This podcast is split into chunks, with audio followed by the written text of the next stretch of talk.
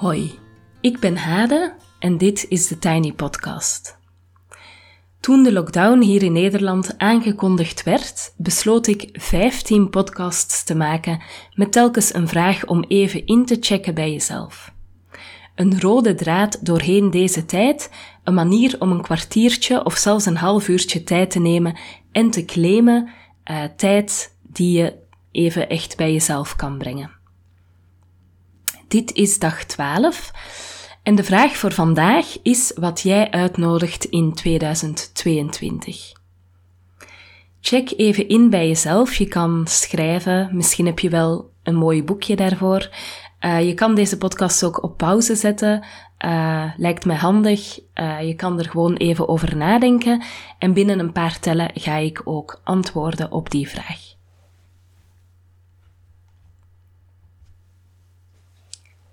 Voilà, wat ik uitnodig in 2022. Ik heb drie dingen opgeschreven. Het eerste is connectie met mijn lichaam. Als ik aan het voorbije jaar denk, is het beeld van mezelf haastend tussen werk en gezin heel dominant. Werkend bracht ik vooral tijd door aan mijn bureau in mijn tiny office tot mijn rug en schouders pijn deden. Na uren in die positie gezeten te hebben, reeste ik naar huis uh, dat is een fietstochtje van twee minuten, om daar dan de gezinsdrukte uh, te gaan managen. Soms lijkt het alsof ik mijn lijf vooral gebruikt heb om mijn hoofd op te zetten en met de haasten van plek 1 naar plek 2. Overigens is dat helemaal niet zo gek. Ik ben een moeder van jonge kinderen en deze week lees ik het boek Waar blijft mijn tijd van Tanja van der Lippen. Daarin lees ik dat vrouwen zich drukker voelen dan mannen 39% van de vrouwen voelt zich opgejaagd versus 31% van de mannen. Voor moeders en vaders stijgt dat tot 48% van de vrouwen die zich dus, moeders die zich dus opgejaagd voelen. En opgejaagd is nog een stapje erger dan druk. Uh, versus 38% van de mannen, vaders. De combinatie van werk en gezin geeft vrouwen veel ervaren tijdsdruk. Dus het boek maakt een verschil tussen tijdsdruk zoals je het ervaart en tijdsdruk zoals het objectief is. Um, en vrouwen hebben dus veel ervaren tijdsdruk, naast het feit dat ze ook gewoon objectief gezien uh, het heel druk hebben. Ik las in het boek tot nu toe, ik ben nog niet klaar natuurlijk met het boek, ik las ook dat vrouwen zich uh, ingeschaald zien in een soort drieploegendienst. Um, even kijken, hè. Het betaalde werk buitenshuis is hun eerste dienst. Het onbetaalde werk thuis is de tweede dienst. En de vrije tijd waarin ze zich vaak nog engageren, dat is dan de derde dienst. En dat engagement, dat kan je je voorstellen als soep brengen naar de zieke buurvrouw, um, mantelzorg, boodschappen meebrengen voor ouders die al oud zijn of die door de corona uh, toch wat voorzichtiger moeten zijn, maar ook bijvoorbeeld luizenmoeder zijn op school en al dat soort andere dingen die dan in de vrije tijd gedaan worden, maar die ook best wel veel druk geven. Um, als we dan even naar de uren gaan kijken, leer ik in het boek, en het boek gaat over de Nederlandse situatie. Ik denk dat de Belgische situatie wel vergelijkbaar is, alleen denk ik dat uh, in België nog veel meer vrouwen voltijds werken in plaats van deeltijds uh, in Nederland. Maar wat ik uh, aan uren kan daarop plakken, is dat ik uit het boek leer dat ouders met kinderen, jonge kinderen, gemiddeld vier uur per dag besteden aan de zorg voor kleine kinderen, naast gemiddeld zeven uur per dag werken. Dus betaalde arbeid is dat dan. Twee uur en half per dag huishoudelijke taken. Dan zit je dus aan dertien en een half uur op een dag van de 24 uur. Twee uur per dag gaat ook naar persoonlijke verzorging, zoals eten, uh, drinken. Um, ik vermoed dat er ook bij zit dat je een kopje thee zet voor jezelf, maar ook je wassen, um, aankleden, dat soort dingen. Um, en dat betekent dat je als moeder van jonge kinderen nog acht uur en half overhoudt van die 24 uur die je op een dag hebt, waarvan je er hopelijk 7 tot 8 slaapt. Maar ik denk dat we ook allemaal weten dat heel veel mensen minder slapen. Ehm, en wat ik bijvoorbeeld vaak heb, is dat ik op het einde van een drukke dag, in plaats van dan meteen te gaan slapen, ook het gevoel heb dat ik dan toch nog even iets voor mezelf wil, omdat ik heel de dag bijna niks voor mezelf heb gehad. En dat ik dan eigenlijk de tijd daarvoor weghaal van het aantal uren slaap dat ik um, neem. Kortom, het hoort absoluut bij mijn levensfase dat ik het gewoon druk heb, dat gehaast, het feit dat ik mij van het voorbije jaar vooral gehaast lijk te herinneren. Um, en dat wordt dus bevestigd door het tijdsbestedingsonderzoek waar ik het net over had. Um, ik heb dat ook ervaren vorige week. Mijn uh, dochters zijn een paar nachten bij mijn ouders gaan logeren, dus dan had ik enkel mijn zonen bij mij. Uh, die zijn 8 en 11 en ik was zo verbaasd van de massa tijd die ik plots leek te hebben om gewoon overdag een boek te lezen. Um, dus op een bepaald moment was het huishouden gewoon gedaan en dacht ik, uh, ja, en wat ga ik nu doen? De jongens hadden mij niet echt nodig. Um, en ik heb dan gewoon een boek gelezen en dat deed mij ontzettend deugd. Um, ook al omdat ik merk dat het permanente alert zijn met jonge kinderen in huis, dat ook heel veel energie vraagt. Dus zelfs als je heel ontspannen tijd met elkaar doorbrengt, dan merk ik dat dat um, um, voortdurend alert zijn, voortdurend opletten, voortdurend alle messen uit de buurt uh, leggen, uh, voortdurend Um, ja, ik zoek een aantal voorbeelden. Hè. Voortdurend kijken of er geen medicatie in, in binnen bereik ligt, uh, of de traphekjes gesloten zijn, um, of niemand iets gek of iets dom aan het doen is. Dat vraagt ook een massa energie. Anyway,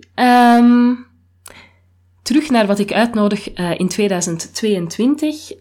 ik wil heel graag dat mijn lijf meer is dan de standaard waarop mijn hoofd geschroefd is en waar mijn benen aan hangen die ik dan nodig heb om snel naar huis uh, te fietsen. Dus ik ben heel laagdrempelig begonnen met wandelen. Uh, we weten allemaal dat die 10.000 stappen per dag, dat dat een soort van norm is die ik eigenlijk heel vaak niet haal, als ik eerlijk ben. Um, en nu denk ik van, ik wil daar iets meer aandacht aan besteden en dat doe ik door kleine ommetjes te maken. Bijvoorbeeld vanochtend ben ik niet rechtstreeks naar hier gekomen, uh, maar heb ik dat via een omwegje gemaakt, waardoor ik op dit moment al 2000 stappen op mijn teller heb. Voilà. Dat ommetje maak ik dan met een luisterboek en uh, dat geeft mij dan ook weer het gevoel dat ik iets zinvol en iets fijn aan het doen ben buiten het wandelen op zich. Dan het tweede wat ik graag wil uitnodigen is tijd buiten doorbrengen. En dat hangt heel erg samen met wat ik net vertelde. Um, in het beeld dat ik net deelde, ben ik veel binnen. Dus ofwel binnen aan mijn computer aan het werk, ofwel thuis met de kinderen. Um, we wonen niet ver van de zee. Um, hier is een prachtig duinengebied in de buurt. En het is heel absurd hoe zelden ik tijd maak om daar naartoe te gaan. Soms lijkt het zelfs, omdat het op elk moment kan, bijvoorbeeld naar de zee fietsen, dat kan gewoon altijd, uh, dat het daarom iets is wat je niet meteen doet. Terwijl toen ik nog verder van de zee afwoonde, dan plande ik soms heel bewust om daar naartoe te gaan. En eerlijk gezegd zag ik de zee dan vaker dan ik op dit moment uh, de zee zie, terwijl ik er amper een half uurtje fietsen vandaan woon. Dus ik denk dat het de moeite is om daar weer wat meer aandacht aan te besteden en mezelf ook echt te gunnen om wat meer buiten en vooral in de natuur te zijn.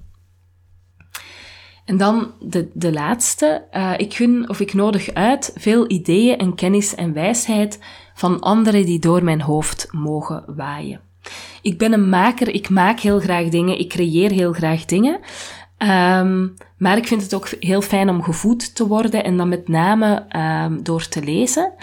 Um, ik kan gelukkig snel lezen, dat vertelde ik gisteren al. En ik vind lezen absoluut lastiger op dit moment in mijn leven dan een serie aanzetten en gewoon een beetje passief series kijken.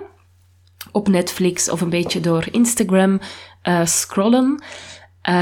Maar ik kies er echt op dit moment heel bewust voor om uh, te lezen dit jaar, om daar veel meer aandacht aan te besteden. Um, en ik ga jullie natuurlijk in de podcast daar ook wat in meenemen in mijn leesreis. Zoals ik daarnet al gedaan heb door te delen wat ik uit dat ene boek, Waar blijft mijn tijd, heb geleerd. Um, ik weet ook niet hoe lang ik dit allemaal volhoud. Ik kan wel vertellen hoe ik um, uh, bijvoorbeeld mijn leesvoornemen heb ingevuld. Ik heb, een, ik heb twee lijsten gemaakt van boeken. Um, een beetje zelfs at random. Wel boeken die ik graag wil lezen, maar dan de plek op de lijst hebben ze min of meer at random gekregen. Um, en op die manier heb ik een soort volgorde waarin ik boeken lees. En dan is mijn idee op dit moment dat ik per week één boek lees professioneel. En dat betekent dat ik dan gewoon kijk van hoeveel bladzijden zijn het. Um, hoeveel bladzijden moet ik dus per dag lezen als ik op een week dit boek wil uit hebben. En soms is het handig om in hoofdstukken te kijken. Bijvoorbeeld dat boek van uh, Tanja van der Lippe heeft denk ik negen hoofdstukken of acht. Dus dan is het heel makkelijk om gewoon één hoofdstuk per dag te doen en één dag tijd te maken voor twee hoofdstukken. Dus dat kan je gewoon heel mathematisch uh, aanpakken eigenlijk. Voilà. Ik eindig uh, altijd met een tip voor de goede luisteraar. Dus een van de tips was natuurlijk al het boek Waar blijft mijn tijd? Het is een heel interessant boek dat vertrekt bij wetenschappelijk onderzoek. Dus tijdsbestedingsonderzoek zoals het in Nederland wordt gedaan. Wordt trouwens ook in België gedaan aan de VUB. Ehm, ik ga eens kijken of ik daar ook bronnen van vind. Um, en ik zou het zelf ook heel interessant vinden om die een keer naast elkaar te leggen. Dus resultaten van Nederlandse en Belgische tijdsbestedingsonderzoeken. Um, maar goed, dat heb ik nu op dit moment nog niet gedaan. Alleszins wil ik wel zeggen dat dat ene boek dus geen uh, zelfhulpboek is. Uh, dus vergis je daar niet in. Het is een boek met veel analyses, veel om over na te denken. Maar ik denk dat dat heel interessant en gedegen is. Uh, dus als je daar interesse in hebt, dan zou ik je dat zeker aanraden om het te lezen. Los daarvan wil ik de podcast De Tumor Tapes aanraden. Um, ik hoorde deze podcast ergens in 2021, ik denk het einde van de zomer.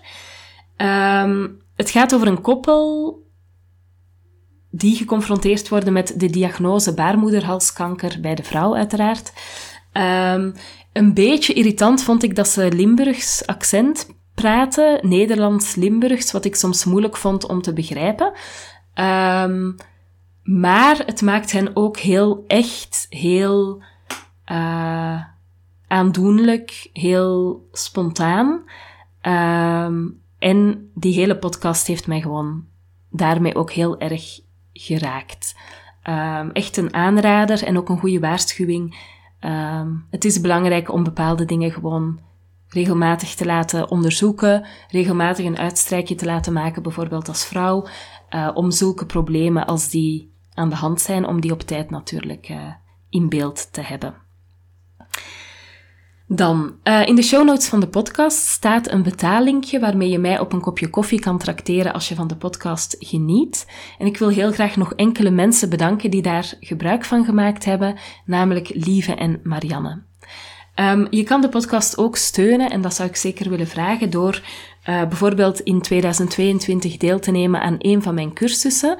Uh, op dit moment kan je inschrijven voor uh, de vrouwencirkel die op 12 januari begint. 10 woensdagen van half negen tot half tien. Um, daarna in april begint er een moedercirkel, dus een vrouwencirkel rond het moederschap.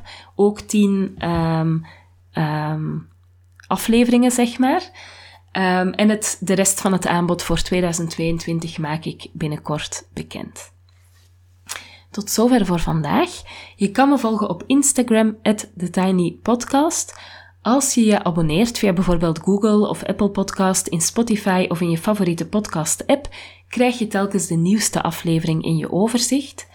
En als je de podcast doorstuurt naar iemand die er ook graag naar luistert of hem deelt op social media, dan help je me om de podcast te laten groeien.